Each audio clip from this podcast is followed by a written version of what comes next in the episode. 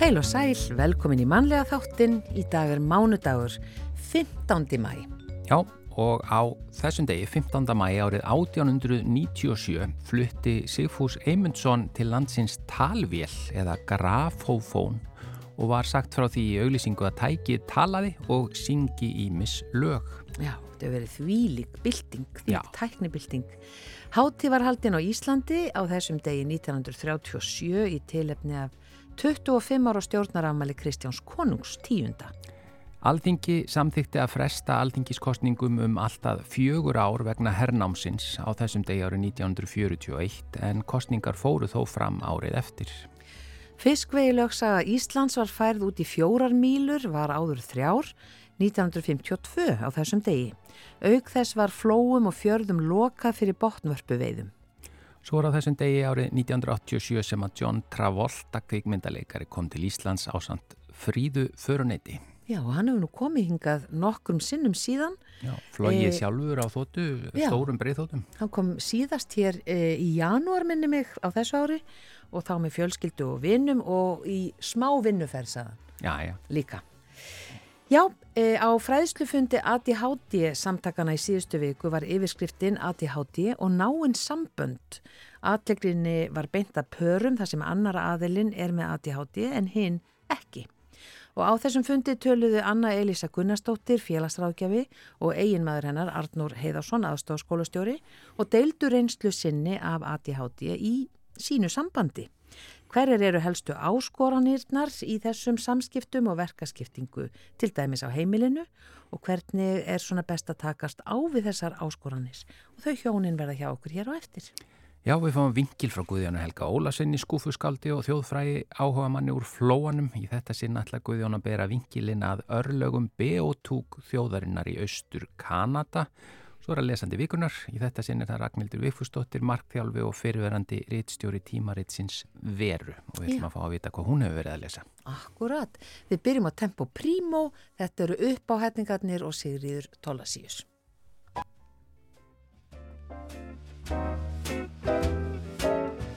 Þegar ástinn allt ykkur mig, allir grætt og faðma ég þig og presto. non troppo munum við syngja í útvarpi.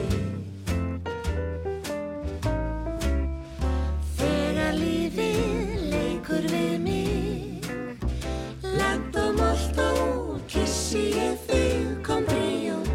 Maðurst og só munum við syngja í útvarpi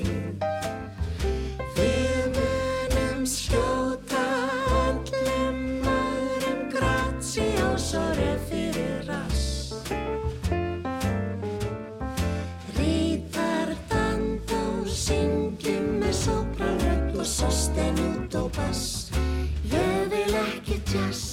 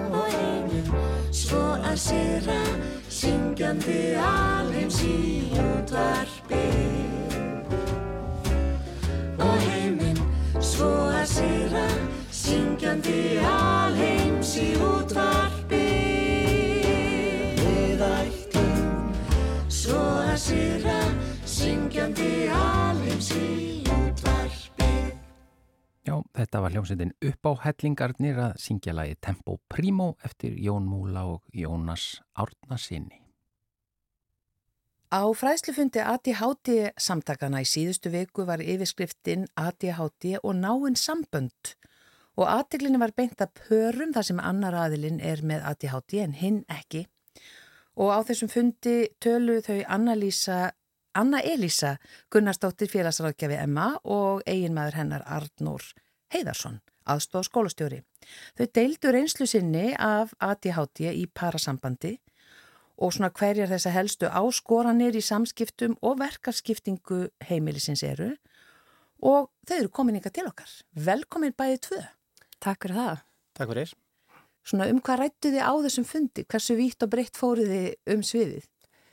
Já, við ákvaðum að taka kannski svona hvað áskorunir við höfum verið að glíma við í okkar sambúð mm. sem er spannan okkur ár og svo fórum við svolítið yfir það hvernig við ákvaðum að takast á við þessar áskorunir og komum kannski með svona hugmyndir að lausnum fyrir það. Já, hvert ykkar er með ADHD? Það myndi vera ég.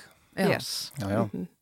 um, það verður rauninni bara svona, við byrjum nú bara á því að segja frá uh, okkur bara og hvað við erum búin að vera lengi saman og, og svona hvernig uh, sambúðin hafði síðan verið svona þarna fyrstu árin uh, þar sem að við rauninni vissum ekkert að ég væri með ADHD og, og, og þekktum þetta ekkert neitt rosalega mikið.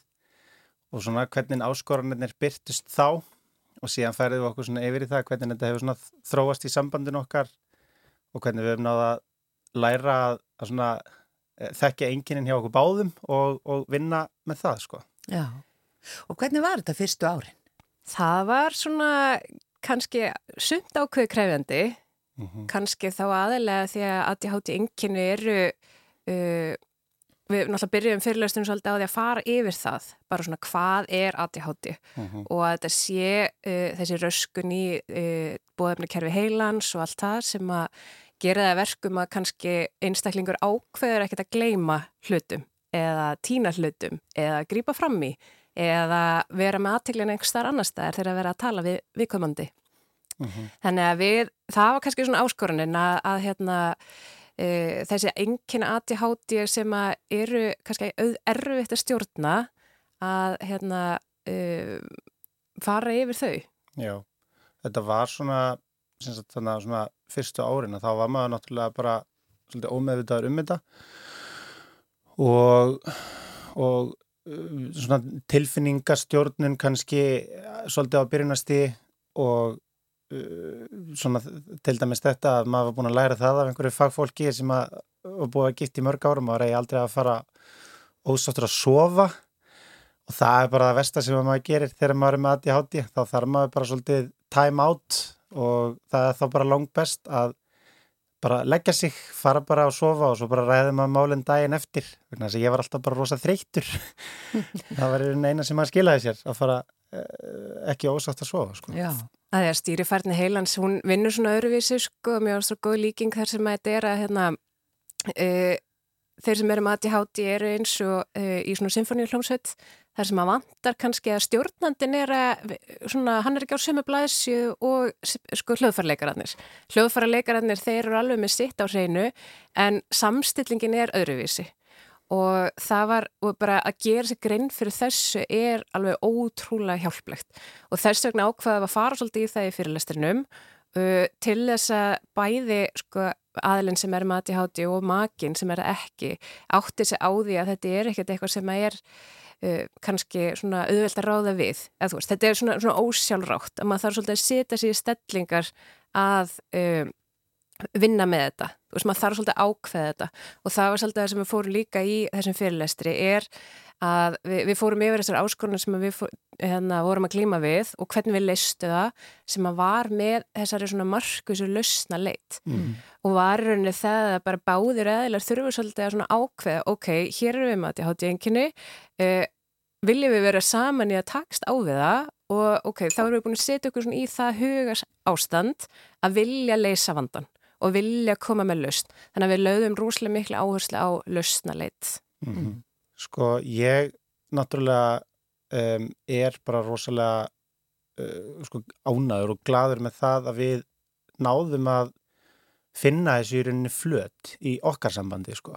Um, mér hefur aldrei fundist neitt rosalega óþægilegt að segja frá mínum sko, verkefnum í lífinu. Það mm. hefur bara aldrei verið þannig og, og, og hérna nýti það bara rosalega mikið bara líka í mínu starfi að, að, að sína bara fólki að ég er mannlegur og gerir mistök og læra af þeim og ef ég get hjálpað öðrum að læra af mínum verkefnum í lífinu að þá finnst mér það náttúrulega dásanlegt sko Já. og það er náttúrulega þess vegna sem að mér finnst þetta að vera svo frábært að geta farið þetta og við fengum það alveg frá mörgum á þessum fyrirlestri það var alveg margir sem var komið til okkur bara einhvað vá það kveiknaði svona 10.000 perur bara núna í mínum kolli út af því að þá er bara fólk að bara fatta bara, já, auðvitað bara svona einfalt dæmi bara eins og að nýta ákveðin verkfæri sem að uh, hjálpa manni að komast í gegnum daginn mm. uh, það, það var bara eh, einhvað svona, bara svona reysa stort fyrir marga, sko Já Hvaða verkfæri eru það? Svona sem þið, það er svona að tala um tól og tæki mm -hmm. uh, svona, hver eru það helst? Sko, við erum alltaf við erum svolítið að vinna með að, að gleima hlutum og viðbörðum mm -hmm. sem er náttúrulega mjög stórst og algengt enginni aðtíhátti mm -hmm. sem getur verið bara svolítið erfitt þegar þú ert með hérna, börn og stýra heimili og, og þarfst að halda utanum dasgrá hjá öllum og við náttúrulega viljum hérna, ekki bara að annar aðeilin sé með þú veist eh, alla ábyrðin eða all verkefni séu hjá öllum við reynum að deila þessu eins bestu við getum Þannig að við erum til dæmis með svona sameigilegt dagatal í símanum já. og sem að það var nú svona kræfjandi fyrir mig að hérna, samþykja að vera með í því en þá, þetta snýst allt um að vera tilbúin að skoða lausnis. Mm -hmm. Þannig að, og ég var tilbúin til þess og, og þetta var bara hérna, þvíleitt gæðusbúar að vera með svona sameigilegt dagatal í símanum. Og við nýtum þetta alveg rosalega mikið að vera með svona, og ég segi þetta alltaf með verkfærin sko að ef maður finnur eitthvað sem að virka fyrir sig að þá bara ámaður nota og finna því einhvern veginn feril í lífinu sínu. Eins og ég segja sko it's not stupid if it works. Og til dæmis bara það að, því að þið töluðu nú við mig um að uh, koma í þetta viðtal að þá var það bara uh, ég sendi henni fundabóð skiljiði til þess að við myndum bæðið muna bara strax eða? Já, það er bara einhver sem að fólk þarf bara, ég skilju, þetta er það sem að virkar að fyrir okkur. Og það er ekki heimskulegt og asnalegt að senda makarnir sínum fundabóð og það sem er líka gaman í þessu það er að, að ég hef síðan náða að nýta uh, það sem að við gerum í sambandi líka bara við vini mína. Ég meina við erum bara með félagarnir við heitumst og spilum tviðsvarsinum í mánuði og það er bara fundabóð, skiljiði bara til þess að allir hjálpi stað við að muna. Og mér fannst það líka að vera svo dásanlegt í fyrirlesturinn að eins og það voru margir sem að koma til okkur og sögðu að hann hefði hjálpað sér líka bara í sam, samskiptum við vini sína. Uh, hvernig, hvernig það getur hjálpað og, og svo nú líka fólk að koma til okkur bara einhvað í samskiptu við börnin sín. Mm. þannig að þetta getur uh, það, þetta er ekki bara fyrir magana sko, heldur er þetta nýtast í, á mörgum öðrum stöðum. Bara í, í öllum samskiptum bara. Já, Já. Að að svo er þetta heldur ekki, snýrst ekki bara um það sko einstaklingur um aðti hátja þurfi eitthvað að breyta sér eða hérna laga sér eða hvað viljum kalla. Heldur snýrst þetta líka, þetta snýrst um þetta samstarf og meðal annars fórum við svolítið yfir hérna svona eitur samskipta form hjá mm -hmm. í, í parasambandinu og það er til dæmis það sem að sagt, maki einstaklings með, sem er sagt, ekki með aðti hátja þá lendur stundum í að vera svona þess að við kallum þróskaþjófur að hérna ef að einstaklingur um ADHD er alltaf að gleyma hlutum eða gerur ekki hlutina eða aðteklinn er bara einhverstar allt annar staðar þá fer hinn aðeins kannski bara græja allar hlutuna, mm. gera allt bara teku svolítið svona fram yfir hendunar á hinnum og það er það sem við köllum að vera þróska þjóður að, hérna, að leif ekki ADHD einstaklingunum að svona spreita sig Já. og það veldur bara, þetta veldur náttúrulega því að hérna, þriðavektin verður bara erfið fyrir einstaklingin sem er ekki með ADHD mm. og mjög löng og, mjög löng, já. já og líka það þá sá sem er með ADHD er þá kannski bara lærir að kannski þurfi ekki að gera hlutina eða að hinn einstaklingurum bara græja þetta og það er heldur ekki holdt í samskiptum mm -hmm. Akkurat, þetta er mjög einmitt áhugavert, þetta með þrýðuvaktina auðvitað mm -hmm. e, þannig að þetta er svona dálítið nöðsynlegt að þið finnið þarna einhvert flött til þess að gera hlutina saman og með þessum verkvarum sem þið hafi verið að tala hér um og þetta uh, hlýtur að hafa vakið aðteglið þetta erindi ykkar og ég svona ímynda mér að, að, hérna, að þið muni fara víðar með það. Já, vonandi. Við allavega... Já, mér syns það. Þetta Já. er alveg orðið svona, það er alveg ótrúlegasta fólk sem er að koma til okkar sko um, og segja ég horfi mm -hmm. og, og, og bara þetta frábært. Þannig að Já og það er náttúrulega bara dásanlegt ef maður getur verið að nýta sína reynslu að en eins, eins og við segjum þetta er fyrst og fannst þessi lausnaleit og síðan náttúrulega það sem hefur alltaf engjant okkar samskipti er að við erum alveg óbúslega miklu vinir og, og, og það hefur alltaf verið svo mikil svona virðing og, og náttúrulega kurteysi og það hefur alltaf verið og það er svolítið líkilinn sko á mm. mínu mati að sko Anna Elsa hefur aldrei svona hjólað í enginin hjá mér og hún hefur aldrei komið að mér og byrjaði einhvern veginn svona að skamma mig eða einhvað svo leiðis. Það hefur aldrei verið þannig og, og það er svona, finnst mér vera svona ákveðin svona líkil í þessu og þrátt verið að það hafa alveg verið áreikstrar og erfilegar að við hefum alltaf fundið lausnir á því og, og mætt hverju öðru bara eins og tveir fullorðir einstaklingar að ræða saman og leysa vegna þess að náttúrulega við höfum sem betur fyrir aldrei verið í þeim, þeirri stöðu að vera einhvað bara eitthvað, já, kannski bara gengur þetta ekki vegna þess að við hefum alltaf verið með svona, eins og maður segir svona eye on the target sko. Já, lausna miðu, þeir hafa verið mjög lausna miðu já. ég heyri það eh, Kæra þakki fyrir að koma í mannlega þáttin eh, Anna Elisa Gunnarsdóttir og Arnur Heiðarsson og hérna er hægt að hlusta á fyrirlesturinn, sko, er upptak af húnum inn á, inn á vef ADHD samtakana eða? Sko, það var inn á svona uh, lókuðum hópið ef þú ert meðlemur í ADHD samtökunum. Já, já. En það geta allir gerst meðlemir og hérna bara best að hafa samband við samtökinn sjálf. Já, kæra þakki fyrir komina og bara gangi ykkur vel. Takk, takk sem leiðist, takk.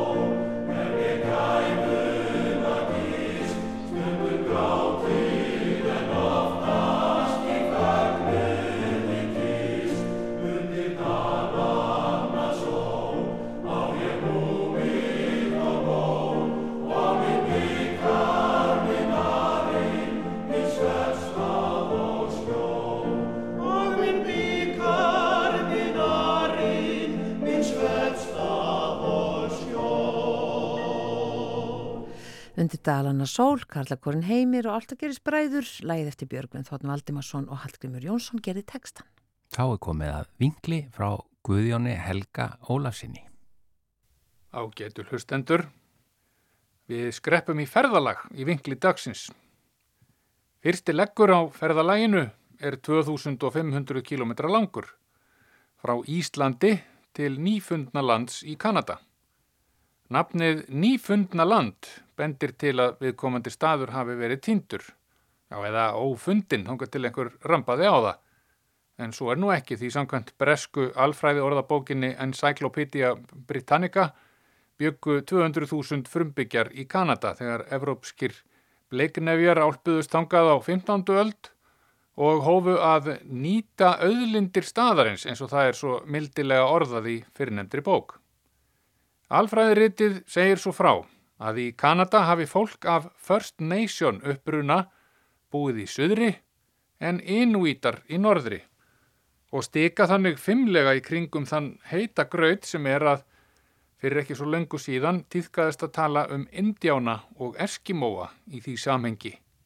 En sá síður hefur nú lagst af vegna þess einfallega að fyrir nefnt fólk kann alls ekki að meta slíkt orðalag og þá bara hættir maður því. En áður en ég þusa allt í kaf er rétt að minnast á að nýfundna land og laborator telst vera ein sísla þrátt fyrir að ný, nýfundna land sé eiga en laborator hluti af meginlandinu. Nýfundna land er 16. stærsta eiga heims og fjóruða stærsta eiga Kanada. 108.860 ferkilometrar að stærð og þar búa rúmlega 521.000 manns. Ef við setjum það í samengi er Ísland 103.000 ferkilometrar með 387.000 íbúa. Við erum nú vöna að finnast Ísland bara svo litið stórt, sérstaklega með við Danmörku, en þessi sísla þarna í Kanada er örlítið starri og með tölvert fleiri íbúa líka.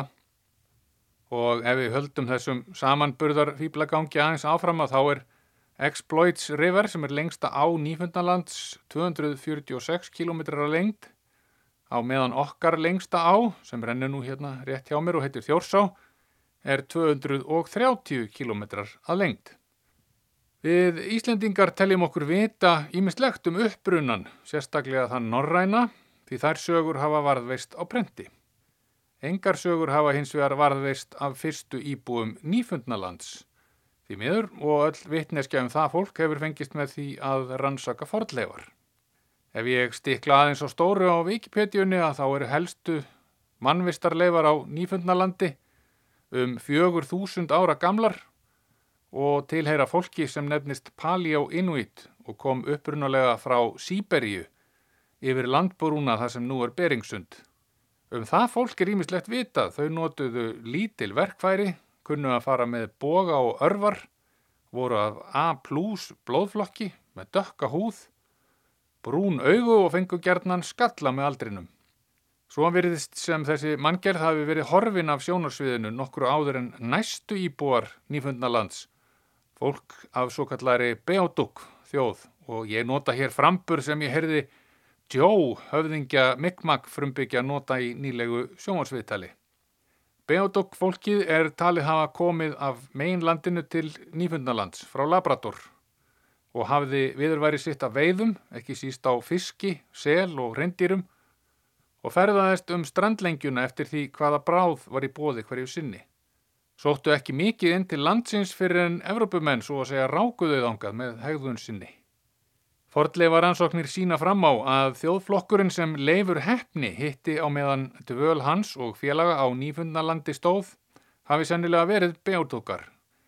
En þeir kölluðu fólki skrælingja og eiguna Vínland eftir berjum sem þeir fundu á stanum og hafa sennilega verið af plöntu sem kallast Vítis labrúska og er aðeins frábröðin Vínis Vítifera sem eru nótu til vingerðar í Evrópu og svo sem um allan heim í dag. Beodokar notuðu leir blandaðan járnóksíði til að lita húð sína á född að þér virðist í trúarlegum tilgangi eins og reyndar fleiri frumbyggjar Ameríku hafa gert og Evrópumenn kölluðu þau því rauðskinna. Töluvert er vitað um lífshætti Beodok þjóðarinnar og er það miklu leiti að þakka forleifaransóknum og konu að nafni Sjón of Dittit sem oft er nefnd síðasti beotúkin. Hún var sennilega fætt árið 1801 en á þeim tíma var beotúk þjóðin orðin mjög fámenn. Ekki síst vegna þess að nýbúar af evrópskum uppruna lögðu undir sig strandlengju nýfundalands. Það mestu leiti sem gerði þeim erfitt um vik með að halda lífsáttum sínum. Sem auk þess var ógnað vegna skorts á mótstöðu við þeim sjúkdómum sem nýbúarnir báru með sér. Auk þess sem við litu á beotúkfólki sem keppinauta um öðlindir og ógn við sig og sína dvöl á staðnum. Margar frumbyggjaþjóðir áttu í einhverjum samskiptum við nýbúana. Þrátt fyrir yfirgangsemina stunduðu við þá vöruskipti og reyndu að forðast óþarfa átök. En beotúkfólki vildi helst af öllu fá að vera í friði. Sem dæmi um samskipti frumbyggja af beotúkþjóðinni og nýbúa segir sagan að haustið 1818 hafi bátur og net horfið frá manniðanafni John Peyton eldri og að landstjórun á svæðinu hafi í framaldi heimilað John Peyton yngri á samt átta vopnuðu mönnum að gera tilraun til að endurheimta bátin og netið hjá litlum hópi beotúka skamt frá sem grunaðir voru um þjófnaðin.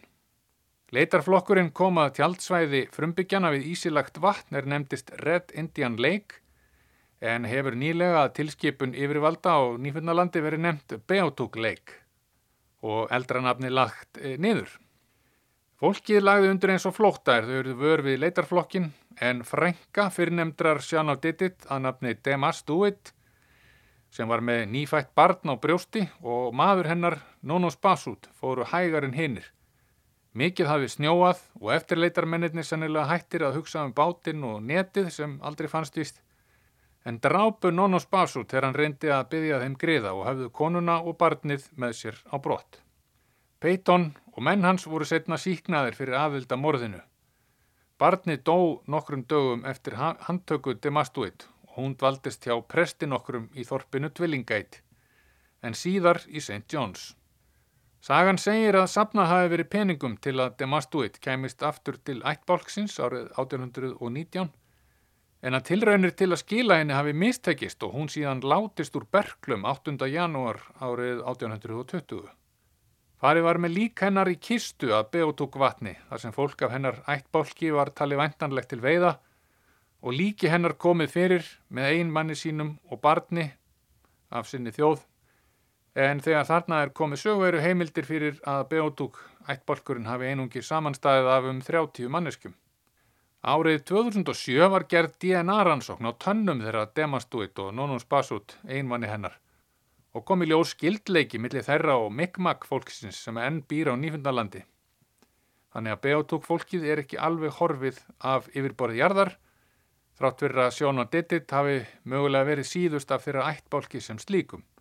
Joe, höfðingi Mi'kmaq þjóðarinnar, heldur því reyndar fram og vitnar í munlegar heimildir forfeðra sinna sem DNA-rannsóknir styðja að hluti beotúkfólksins hafi í raun blandast Mi'kmaq og séu því teknilega séð enn til. Sennilega væru lífsættir beotúkfólksins þó fallnir í gleimskunar dá ef ekki væri fyrir Sjón og Dittit og hennar sorglega lífslaup. Þreymur árum eftir láti mastuit eru beotúkar nánast útdauðir vegna hungurs, sjúkdóma og átaka við nýbúa. Þá rekast skinnaveiðimenn á Sjón og Dittit, sýstur hennar og móður þar sem að þær eru að leita sér að einhverju ætilegu. Ekki fengu þær að halda því áverki áfram. Veiðmennir handsumuðu þær og fóru með í höfustafinn St. John's. Hver tilgangur þeirra var likur ekki fyrir en móðir hennar og sýstir létustar úr berglum skömmu síðar. Nýlendu stjórnin vildi freysta þess að fá sjón á detti til að brúa bylið millir þeirra fáu beodúka sem eftir voru og nýbúana en hún tók það ekki mál og sagði að sitt fólk myndi taka hvern þann af lífi sem búið hefði á meðal Evrópumanna. Í St. John's var Sjóna Dittit flutt til skoska mannfræðingsins William Epps Cormac og bjó á heimili hans. Cormac gatt fengi hana til að segja ítarlega frá lífi sínu og lífsáttum beotug þjóðarinnar. Skráði það nákvæmlega og gerði einnig fjölda tekninga sem enn eru til og útskýra ymsa þætti í frásögninni.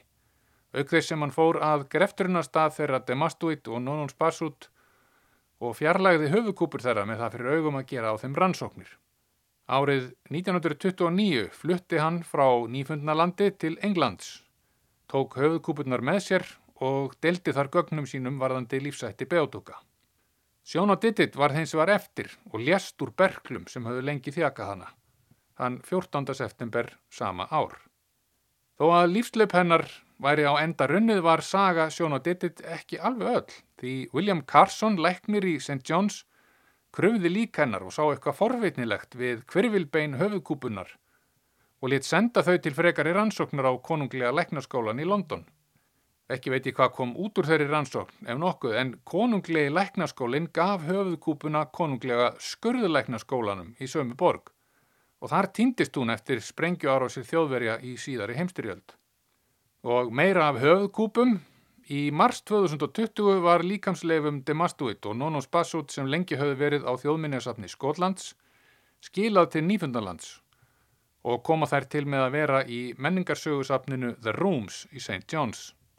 Alveg nú sagan af síðasta beátúkanum nöturleg og því meður kemlík sögu margra sem í gegnum tíðina hafa farið halloka í samskiptum sínum við hérna meintu landkönniði frá Evrópu og er nú ekki hægt að lýsa öðruvísi en sem fjandsamleiri yfirtöku og auðlendum og er plagsiður okkar manna. Maður hefði haldið að nú væru allar auðlendir jarðar nánast þurraustnar og óþarfi að vaða með eldi og brandi yfir lönd, en stríðið í Úkrænu er því miður sönnun þess að svo er ekki. Góðar stundir.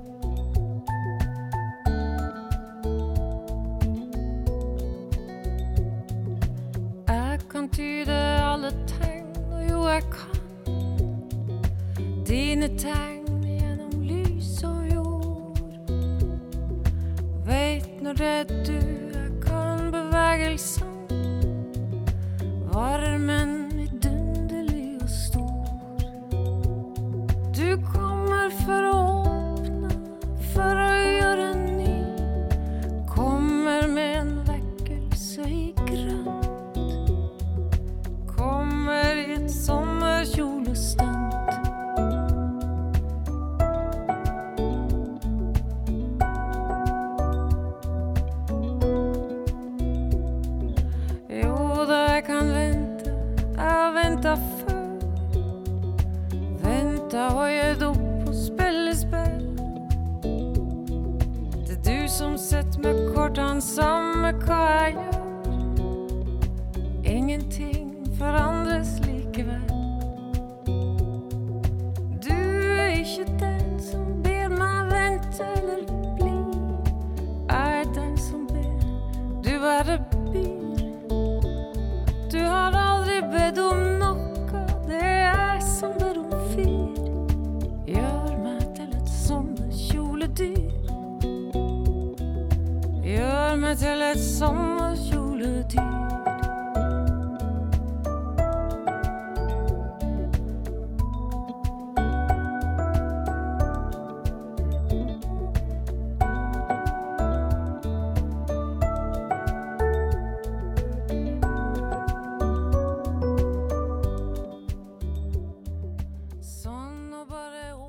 Þetta var norska söngurinn Kari Bremnes að syngja lag sitt Sommerkjúle dýr.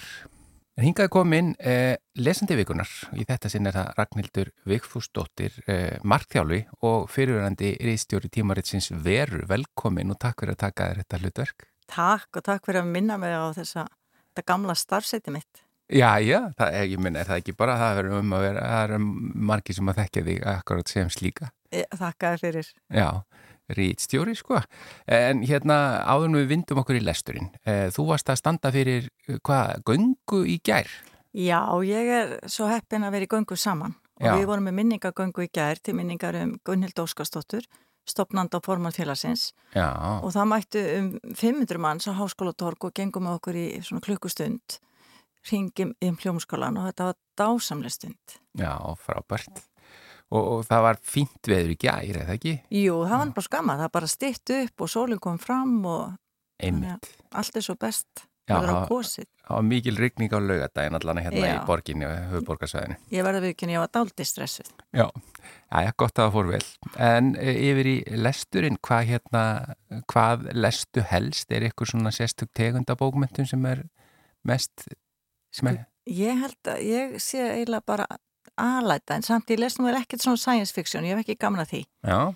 En ég les símislegt annað Já. og ég er alltaf með svona þrjárfjóra bækur í gangi. Já og þannig að það, það ruggla mikið neitt það má samt ekki vera, ég get ekki lesið tvo krimma í einu Nú, já, þá geta plottin Já, þá, einmitt en það er allt í lagi að vera með eitthvað sko, fræðibók og svo eitthvað léttmyndi og svo krimma og svo eitthvað alvarlega, ég get alveg með svo les Já, þetta er fyrst getur sem ég heyri einmitt að því að mjög mörg uh, lesa marga bækur og, og leggja til liðar og svona, en fyrst getur sem ég heyri ekki tvær, tvo krimma í einu og, en það samt sko Ég, ég skil hvað þú ert að fara með. Já. Já, ekki, maður fer ekki að blanda saman tveimur glæpaplottum. Nei.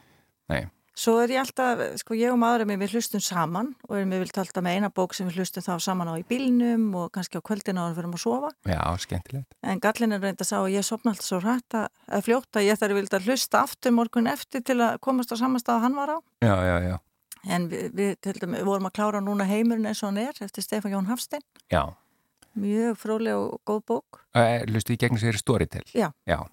En hlustu þið á öðrun tungumálum líka eða aðalega íslensku? Vi, nei, við höfum hlusta líka saman á ennsku, við höfum hlusta á Gottmann um hérna hjónabandið og, og ég líka með Audible.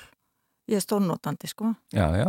Ég notar rafbókasafnið, ég er á Kindle, ég er með hérna Audible Storytel, ég fer á bókasafnið, ég að lána hjá vinnum og vandamennum, ég tek á svona skiptibókamörkum út í sundlaug og og skila líka ánga. Já, já. En vindum okkur bara í hvað er fyrsta bókin sem kemur upp í hugan svona sem að, að því ég segi sem þú hefur lesið undanfarið en það má alveg, þú, þú er svona aðeins, það er, e, það er tegjanlegt hugtak undanfarið. Já, það langar maður að nefna bókina Skirðis Eliassona sem ég er svo heppin að dætu mín að fengu það báðar í jólagjöf, þetta er svona prósasöfn. Já. Og önnur þar glemt bókinu sinni heima, þannig ég las hana. Heppin þú? Ég er svo heppin vegna þess að sko ég las manni að eitthvað guðlan íkortna fyrir mörgum árum og náði ekki alveg sambandi, þetta er svo ljóðrand og svona. Já. En þessi smáprósar, þetta er svo hæfilegt að því að þetta er svo stutt. Já. Og maður getur lesið svona 1-3 á, á kvöldin og þetta er dásamli bók og ég ætla að fá hinn að lána það. Og það sem er svo dásamlegt er hérna, það er ein hugminn og svo hugsa maður ég hvað þetta segja mikið í fámorðum. Já og kannski núna því að ég ger mig grein fyrir því ég kom það þann aldrei og ég menn ekki komast yfir alla bækur sem er langar til að lesa mm -hmm. það þarf ég í raun og veru að vera aldrei sko vanda mér að valið Já. En á sama tím ágjörnibla svo erfitt með að leggja fram í bók á þess að klára hann Já, já. Það, þó hún hafi ekki alveg náðir Já, Já. það er alveg fárálegt veist, því að ég hugsa kannski kemur þetta kannski kemur þetta. Já. Já, auðveldara með þetta með bækur en til dæmis kvikmynd, ef að kvikmynd byrjar og hún er leiðilegt, þá klára ég hana samt einhver hlutu vegna, en bók get ég lagt frá mér, ef, að, segja, ef hún er ekki búin að ná mér innan, innan hundrablað sína þá, þá legg ég hana frá mér. Já, en svo er ég að velta fyrir mig hvort þessi partræði að því að núna er ég alltaf gúdrýts og sett bækvöldum minna þar inn Já. og þetta er eitthvað svona að því að ég er svo mikið keppnismanniska Já og það er ekki að setja náttúrulega bóknum að maður hafi lokið við hana. Já. Þannig að það er kannski ástæðin fyrir því að ég svona harka mér. Að því svo kannski ég gefi henni bara eina stjörnu og fæði svona byttu klárana og þótt hún sé bara einn stjörna. Já. Sko, Goodreads hefur verið nefnt af og til hérna í, í þættinum, einmitt í þessum liði. Já. En útskýruð aðeins fyrir þeim sem ekki vita hva, hvað það er. Já, þetta er svona hugbúnaður eða app, ég veit ekki alveg hvað ég að kalla þetta, það sem maður heldur utan um bækurna sem maður hefur lesið. Já. Og svo sér maður hvað bækur vinir mann sér að lesa og mér finnst þetta svo gott að því þarna set ég inn sko það bæði bækur sem ég hef lesið og er að lesa og langar til að lesa Já, þannig, þannig að allir geta séð það sem þú hefur lesið, já, eða hvað? Já, já allir sem get... eru inn á þessu forriti Já, og ég hef lendið í því að, að fólk sem er þarna inni hefur komið bara að banka upp á hjá mér og segja Ragnhildur, ég sé að þú er ekki að lesa neitt eftir Kurt Vonnegut, mér finnst að vera að lesa þessa.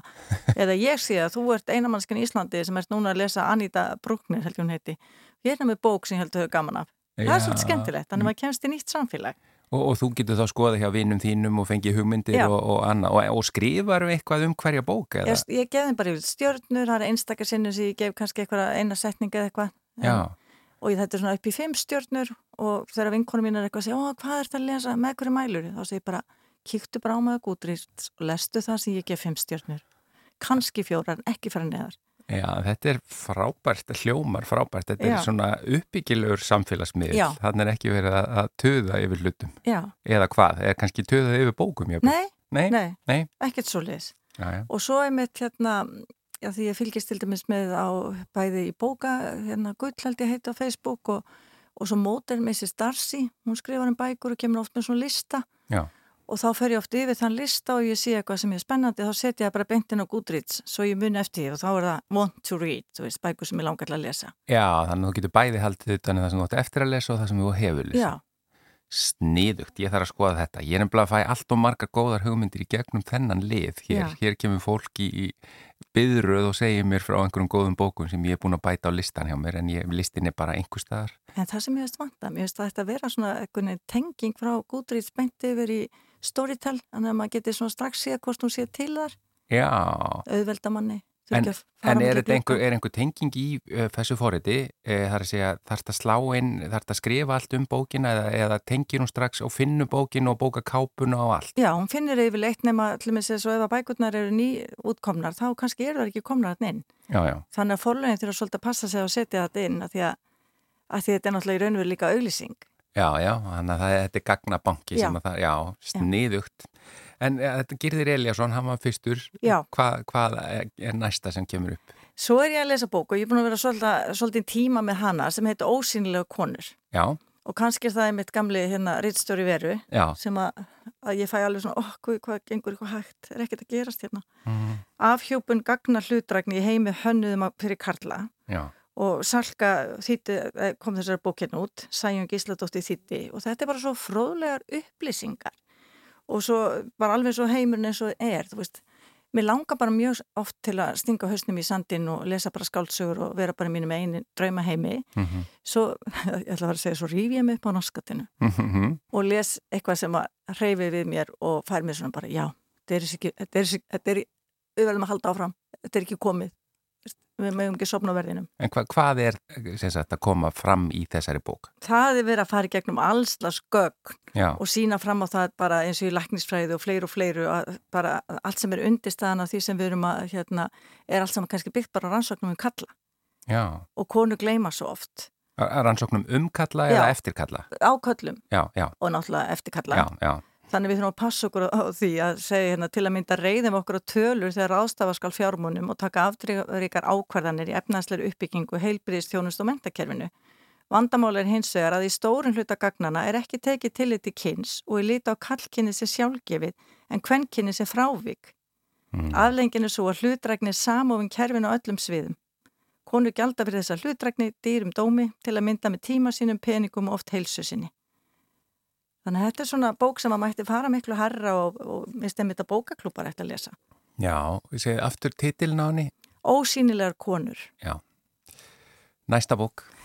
Þá kom ég hérna með hamingjugildrina. Já, Ég tók hérna diplóma í jákværi sálfræði og er með fyrirlestra um það og svona. einmitt. Og svo er þessi bók, hún er ný komin út í íslenski þýðingu og ég hef nú ekki komin langt í henni. Það er verið að tala um það sem kallast akt, sem mann alltaf ekki hvað er á einsku. Já, En það er verið að tala um skilur að það er í raun og veru að ekki hérna, hamingjan er ekki eðlilegt ástand. einmitt. A- Að við viljum öll vera alltaf, Já, já, við heldum að það sé konstant, en það er ekki konstant. Og svo verið að tala hérna um aðferði til þess að hérna, að lifa góðu lífi og Já. komast í kannski einmitt það ástand. hver, hver þýtti eftir bókina? Hún heitir Hugrún Sigurjónsdóttir. Já, já, hún var hérna með þessi þættinum hjá okkur í Já. viðtalum daginn, einmitt um akkurat þessa bók. Já, en ástæðan fyrir ég er að lesa hann er svo að ég er að vinna, ég er með námskeið sem heitir Hannaði lífið. Já, og þar hef ég oft verið með konur sem koma til minni gegnum virk. Og þær hafa verið að tala um að þessi akt aðferð hafi breytt lífið þeirra. Mhm, og þá hugsa ég strax, ó, mér langar að fara á þetta námskeið, af því ég er svona námskeiðsfíkil já, en svo sá ég að þessi bók fjallar um það þannig að þá ákvæði ég bara, ég ætla að lesa bókin og kynna mér það. þannig að þessi bók er bara eins og námskeið. Já, Já, en mér samstundu þægilega að láta segja mér það. já, já. En hvað, ef við förum núna, er, viltu segja frá einni bóki viðbót eða eigum við að fara aftur í tíman aðeins? Já, ég langar að segja, ég er að hlusta líka núna á Portrait of a Marriage eftir hennar Maggi og Farrell Já, og ég hafði aldrei lesin eitt eftir þann höfund en ég dætt inn á Hamnet að því áttu svo margar einingar á Audible. Já, já, já. og ég hafði bara sett inn á Facebook já, svo margar einingar með hverju mæliði og þá kom alveg fullt af hugmyndum.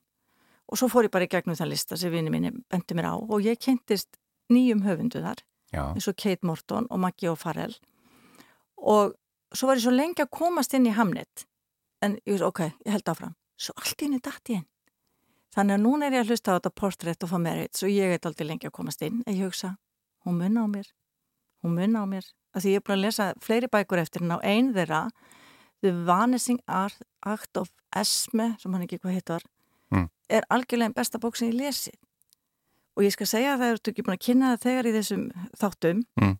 að þá er eiginlega bestu fréttinnar á menningarsviðinu er það að nú getum að nota bókasapskorti sitt bæði bókusöfni Reykjavíkur og Garðabæjar og Kópavás og Hafnarferðar og Seltjarnanes. Þetta er orðið samtengt. Já og Mósa og Bíla líka. Þetta er samtengt og það finnst mér algjörlega frábært. Já, það er, já, ég var ekki búin að heyra þetta, þannig að þetta eru stóra fréttir hér. Þetta eru sko goða fréttir. En eh, ef við förum aftur í tíma, þú mótt fara bara eins langt aftur þú vilt. Hva, hvaða svona bækur og eða höfundar koma upp sem að svona sita alltaf í þér, eh, sem að hafa svona eitthvað sem þú hefur lesið sem að fylgir þér bara og ég jafnvel hefur lesið aftur eða þá bara kemur aftur og aftur upp í hugan Já, svolítið eh, þú nefnaði því að stelpa mér fór sér skiptinni mitt Argentínu mm.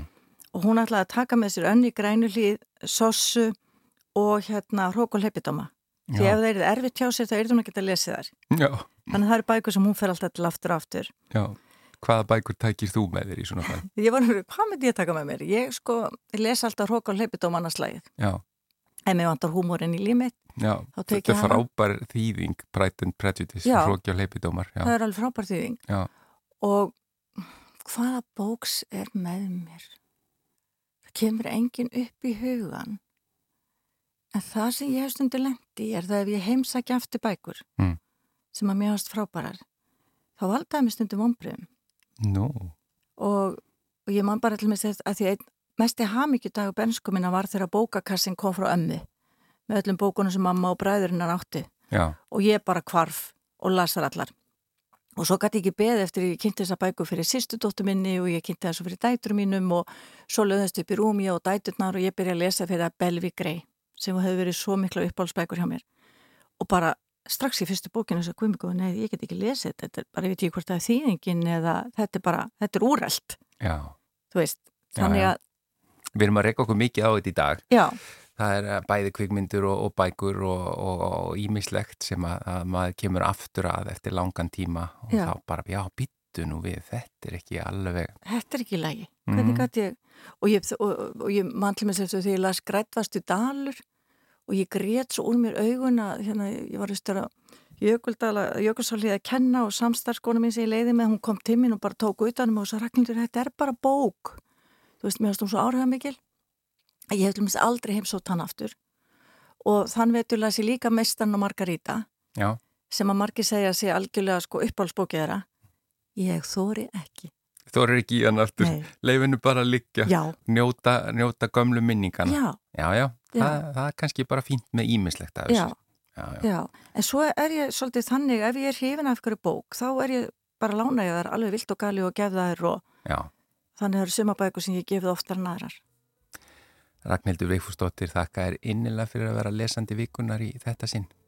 Þakka fyrir að bjóða mér og minna maður hvað lestur er bara skemmtilegur og dásanlegur. Já þar með þættinum bara lokið Já, í dag. Við tökum undir þetta. Lestur er bestur. Já, lestrar, hestur er bestur og mestur. Já, við erum að búa til alls konar slagur hérna. Eh, við þekkum fyrir samfélgina í dag í manlega þættinu. Verðum hér aftur á sama tíma á morgun. Verðið sæl.